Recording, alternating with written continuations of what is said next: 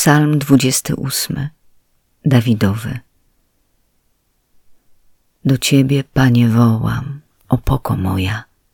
Nie bądź wobec mnie głuchy, bym się nie stał przez Twoje milczenie jak ci, którzy zstępują do grobu. Usłysz głos mego błagania, gdy wołam do Ciebie, gdy wznoszę ręce do świętego przybytku Twego nie gub mnie z występnymi i z tymi, co czynią nieprawość, co rozmawiają przyjaźnie z bliźnimi, a w duszy żywią zły zamiar. Odpłać im według ich czynów i według złości ich postępków.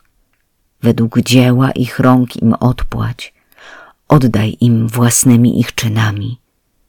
Skoro nie zważają na czyny Pana, ani na dzieła rąk Jego, niechaj On ich wytraci, a nie odbuduje. Błogosławiony Pan usłyszał bowiem głos mego błagania. Pan moją mocą i tarczą, moje serce Jemu zaufało.